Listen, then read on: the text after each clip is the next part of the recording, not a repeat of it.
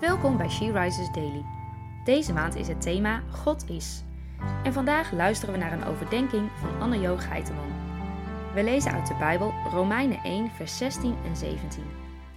Want ik schaam mij niet voor het evangelie van Christus, want het is een kracht van God tot zaligheid voor ieder die gelooft. Eerst voor de Jood en ook voor de Griek. Want de gerechtigheid van God wordt daarin geopenbaard uit geloof tot geloof. Zoals geschreven is: Maar de rechtvaardige zal uit het geloof leven. Ik schaam mij niet voor het evangelie van Christus. Het is de kracht van God tot zaligheid van iedereen. Schaam ik mij wel eens voor het feit dat ik Jezus volg, voor het evangelie? Soms zijn er wel momenten dat ik denk: nu zou ik iets over Jezus moeten vertellen, maar ik weet dan niet goed hoe. Vroeger hield ik dan mijn mond. Tegenwoordig probeer ik het gewoon. Getuigen van die kracht.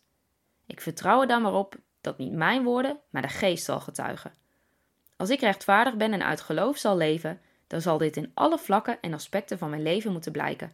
En zal ik mij niet schamen voor de kracht van God. Schaam jij je wel eens? Of vertel jij openlijk over Jezus en je geloof?